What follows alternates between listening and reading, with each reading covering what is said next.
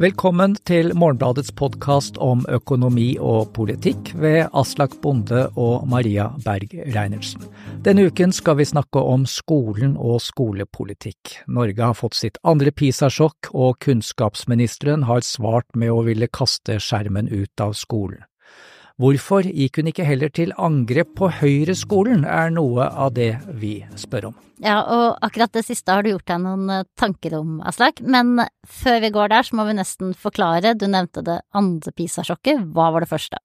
Eh, det første kom i flere omganger, egentlig. I 2001 og, og frem til 2006 så fikk vi eh, PISA-undersøkelser som viste at norsk skole var mye dårligere enn det vi likte å tro.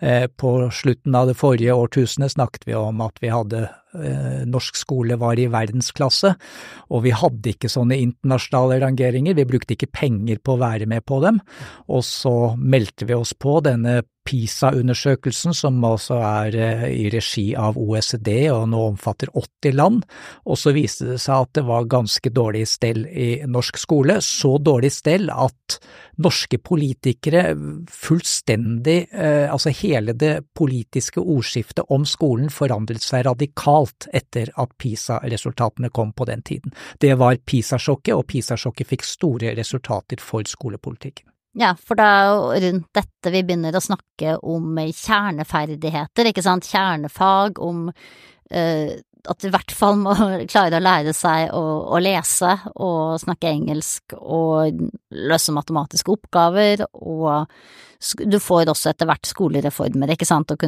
kulminerer vel i det som heter Kunnskapsløftet og hvor du også satset veldig på øh, lærerne, og ikke minst på systematisk testing. Det var en veldig viktig del av Kunnskapsløftet. Mm.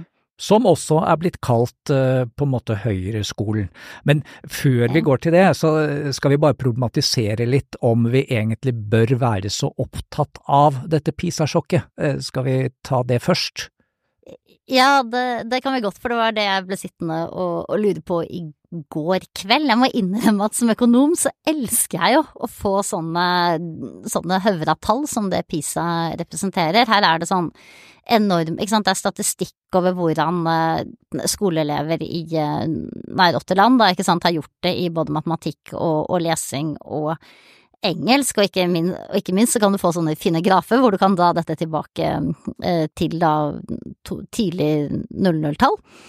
Uh, men, men, hvis du ser på den, den, publikasjonen som presenterer de norske resultatene, der man har liksom rydda ut alle andre land og nøyer seg med å sammenligne seg med Norden, så blir jo dette litt, lite grann sånn forstyrrende også, fordi du har da i PISA er det sånn at man har et sånt gjennomsnitt, 500, det var det, det er, det er liksom gjennomsnittsnivået som en skårte på den første, første gangen eh, det, disse tallene ble Eller et, et, fag ble studert i PISA, for eksempel lesing. Og så ser du da, ikke sant, kan du se at eh, gjennomsnittsresultatene for OECD-lesing, de har falt litt, det falt mot 477 eller noe sånt, tror jeg, i år. Ikke ta det tallet for, for bokstavelig, men det har i hvert fall falt noen, noen, prosentpoeng. Og så ser du hvordan liksom de norske og de eh, andre nordiske tallene har utvikla seg rundt dette og det som er særlig interessant, er kanskje Finland. Som du husker, ikke sant, Finland gjorde jo kjempebra i lesing sammenlignet med de andre nordiske landene på tidlig 00-tall, og vi begynte å, å, snakke, ikke sant, hva, skal, kan vi lære av Finland? Eh, de har skolemat, kanskje det, er, kanskje det er det, kanskje det er noe annet, er det respekten for den finske læreren kanskje vi kan lære av? Og det som har skjedd etter det, er jo at Finland sine skoleresultater, de har jo kollapset. Eh, og er nå helt på nordisk gjennomsnitt, så da blir jo spørsmålet hva kan vi ikke lære av Finland? Eh, Sverige sine tall, hvis du ser på dem, så kan du fortelle en historie både om at skolen går veldig dårlig, at den går bedre igjen, og at den går dårlig igjen, og da blir jo et Og det er noe av det samme du får for Norge, ikke sant, hvor du først har et fall, så eh, har du en gradvis økning av leseferdigheter frem til 2015. For så vidt det året da liksom den, første, den generasjonen som er født samtidig med iPaden, begynte på sko skolen, 2016. og så, etter at iPad-generasjonen da liksom endte skolen, så har det falt jevnt. Eh, og da blir jo spørsmålet, hvis man tenker seg at skolepolitikk også er noe som liksom går over litt tid, da, er det du måler her egentlig eh, endringer i undervisning og endringer i skolevesenet, eller er det litt mer sånn tilfeldig variasjon i hvordan land presterer på denne prøven. det er altså ingen tvil om hva du mener, det hører vi jo tydelig. Og, og til alt overmål, altså hvis vi kan stille litt spørsmålstegn ved tallene, så mm. stilles det også spørsmål ved hva PISA egentlig måler.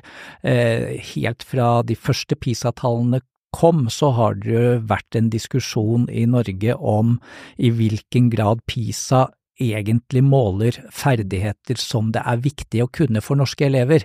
Eh, da disse tallene kom på tirsdag, så var det et innslag i NRK hvor det var noen lærerstudenter som ble intervjuet, og de sa jo at eh, ja, men PISA, de, eh, der spør man jo bare etter fasiten. Det vi jobber med å lære elevene, det er hvordan de kan forstå hvorfor fasiten blir sånn som den blir. Underforstått at det er veldig mye bedre. Og, og, dette er en sånn diskusjon på en måte forståelse kontra pugge, eh, pugging. Det, det, er en diskusjon som har gått hele tiden, men det har i det politiske miljøet hele tiden vært et stort flertall av politikerne som har ment at vi skal legge stor vekt på PISA, og at den måler veldig viktige ting.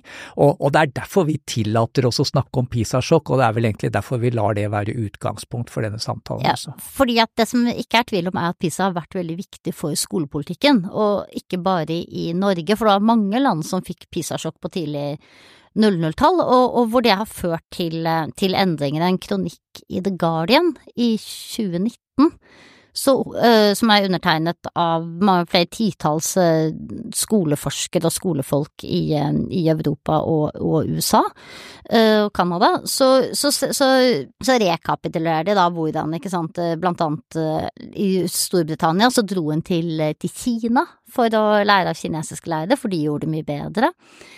I Norge så kikket vi da altså mot Finland, og så tenker jo jeg for det de mener da er det at dette kan være skadelig, ikke sant. Det er ikke nødvendigvis skadelig akkurat at vi får disse tallene, men, men, det at vi så da lager skolepolitikk basert på det, ikke sant, og at den måten det skjer på da typisk er det at du da ser hva er liksom det hvem er det som gjør det best der ute? Og så, og så ser du ja, hvordan skiller deres skolesystem seg fra vårt skolesystem, og så løper du dit og, eh, og, og, prøver å importere noen sånne quick fix, da. Og da er vi over sant, på skolepolitikken, og, og det syns jo jeg Jeg syns det har vært en veldig interessant uke, hvis man er opptatt av skolepolitikk, ja. eh, fordi da, eh, da Kari Nessa Nordtun fikk disse tallene, så insisterte hun på at hun skulle se fremover. Eh, I Stortingets spontanspørretime på onsdag så var Jan Tore Sanner den første som stilte spørsmål til eh, Nessa Nordtun. Mm, tidligere kunnskapsminister Tidligere fra Høyre. kunnskapsminister fra Høyre, og han gikk til angrep på henne eh, for at hun nå har, eller hennes regjering, Støre-regjeringen, har endret politikken, og var ikke, sa ikke et ord om at disse resultatene resultatene som kom denne uken, åpenbart må være et resultat av den politikken som ble ført før Støre-regjeringen eh, trådte inn. Ja, for at litt enkel matematikk her tilsier at denne stakkars Støre-regjeringen har jo bare holdt på et par år, mens disse 15-åringene de har jo gått lenge på skolen, det. Og PISA viser at knekkpunktet, da det begynte å gå virkelig nedover, det var 2015-2016, ikke sant, eh, etter eh, to-tre år med Solberg-regjering og med Jan Tore Sanner som kunnskapsminister. Sånn at hadde jeg på en måte vært en polemiker, så ville jeg jo sagt at dette er dommen over Høyre-skolen. Og så kunne jo Høyre prøvd å si at ja, men PISA er jo kanskje ikke eh, den rette domstolen, men da ville de jo fått i fleisen at det var nettopp de som skjøv PISA-resultatene foran seg i størst grad, helt fra 2001, da de lagde Kunnskapsløftet. Sånn at eh, ville ikke, Høyre ville ikke kommet seg unna den påstanden om at dette her er dommen over Høyre-skolen. Men når kunnskapsministeren ikke gjør det, er det fordi hun skal være et godt forbilde for norske elever, da, og ikke liksom eh, skåre billige poenger og, på mobbe Sanner, eller er det noe annen grunn? Ja, altså det kan være litt det. Hun har vært ordfører i Stavanger, som er en eh, by hvor de er ekstremt pragmatiske i hele det politiske miljøet, og hun har jo samla alle da hun var ordfører, så hun er nok en sånn samlende politikertype.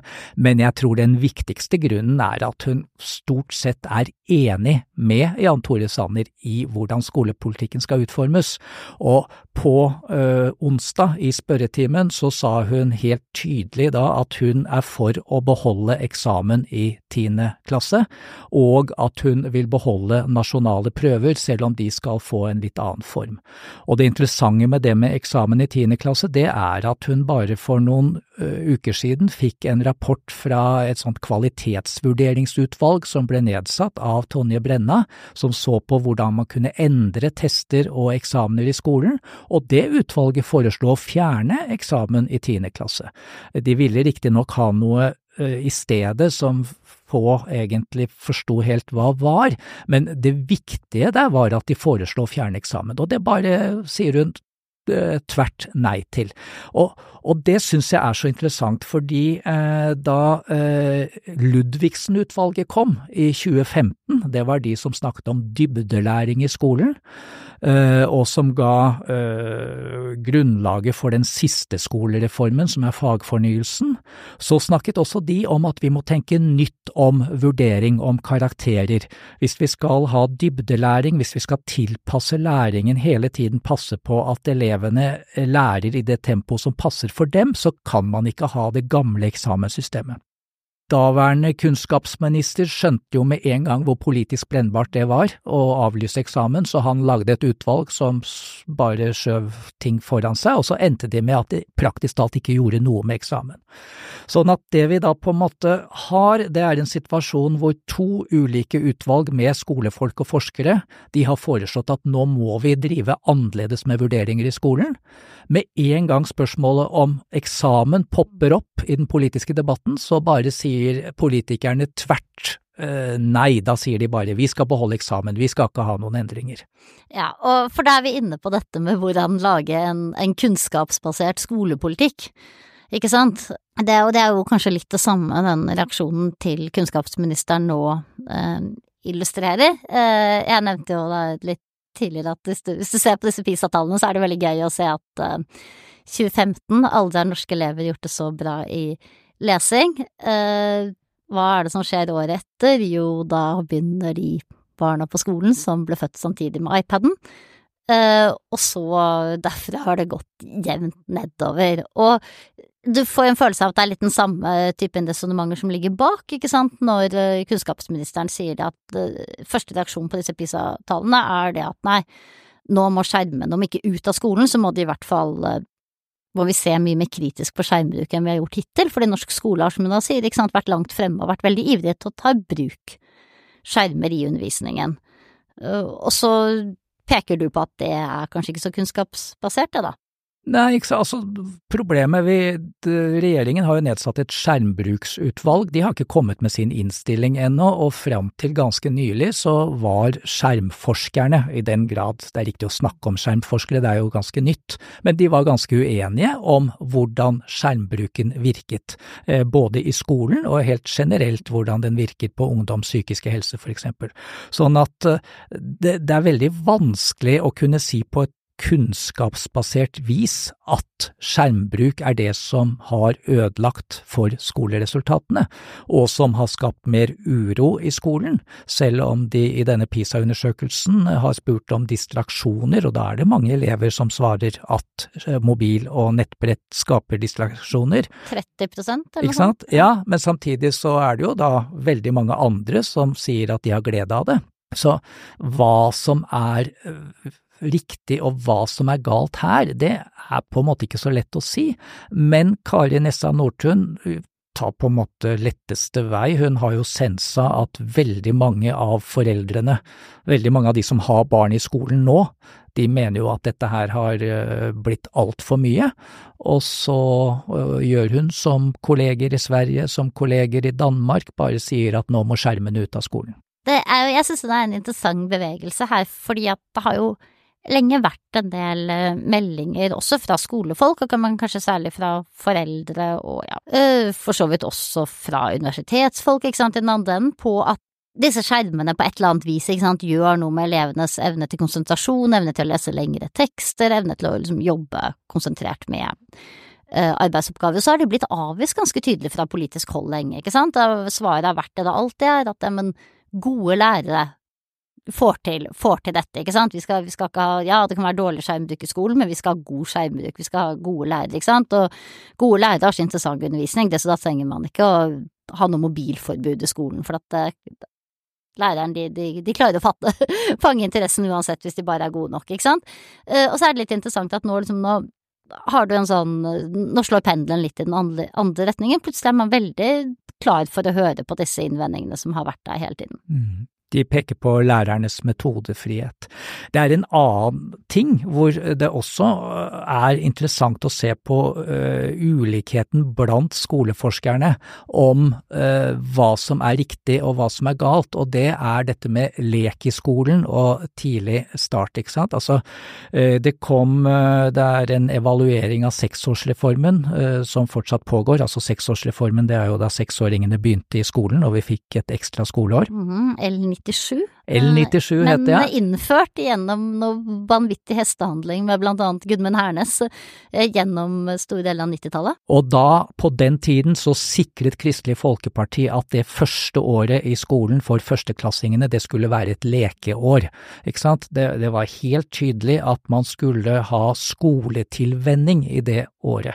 Eh, dette evalueringsutvalget, de eh, viser til at det var sånn ganske lenge. I 2001 så brukte én av tre lærere tid på bokstavinnlæring og eh, enkle sånn matteleker, eh, men nå, 20 eh, år etter, så bruker praktisk talt alle lærerne mye tid hver eneste uke på å lære førsteklassingene eh, bokstaver, og å få dem til å skjønne helt elementære eh, matteting. Og så bruker de lek, men organisert lek, til å få til dette. Og så sier da noen forskere og eh, dette seksårsevalueringsutvalget at det er veldig stor forskjell på frilek og lærerorganisert lek og at det burde vært, eh, i hvert fall flertallet i det utvalget, det burde vært mye mer fri lek, altså barna må få lov til å lage sine egne regler for leken.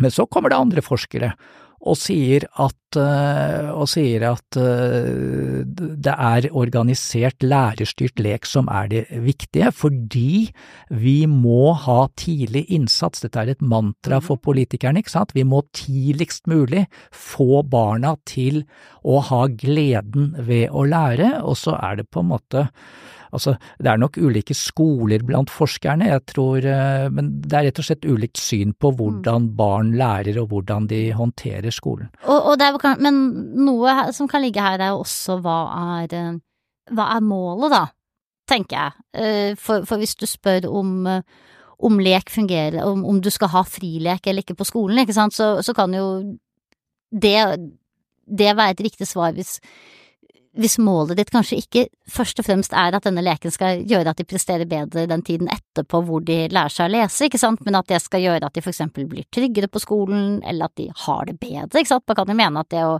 leke for en seksåring har en en verdi i seg selv, ikke sant? Og det er jo eh, der disse forskerne er, da, som ja. snakker om frileken, og, og, de sier at det er ikke noe sånn målkonflikt, fordi altså, jeg, eh, jeg var på et arrangement i Arendalsuka, jeg ledet en debatt der eh, hvor rektoren ved et oppvekstsenter i Kristiansand, Mosby oppvekstsenter, hun heter Karen Stensrud, hun holdt et innlegg om hvordan de drev hos henne, hun er veldig tilhenger av frilek, og hun sa at hos oss så er det slik at når lærerne i det øyeblikk ser at én elev begynner å få maur i rumpa, så avbryter de undervisningen tvert. Ikke sant? Da sier de nå leker vi. Og det blir ikke mye undervisning av det det første året, men som hun sier, de har 13 år de skal gå i skolen, det er mer enn nok tid til at de skal lære alt det de trenger. Det viktige er at de hele tiden øh, trives på skolen, får mestringsfølelse, og at de trives gjør at de blir mindre urolige, og da blir det mye bedre vilkår for læring seinere i skoleløpet. Og og det tenker jeg er interessant hvis man skal gå litt tilbake til den PISA-undersøkelsen. Eh, for du ferska jo at jeg kanskje var litt skeptisk til at vi skulle stirre altfor mye på disse gjennomsnittstallene, da, som varierer fra år til år. Men én ting som jeg syns er interessant med den, er jo det at den også deler inn hvor, hvor mange elever er det som presterer på ulike ferdighetsnivåer.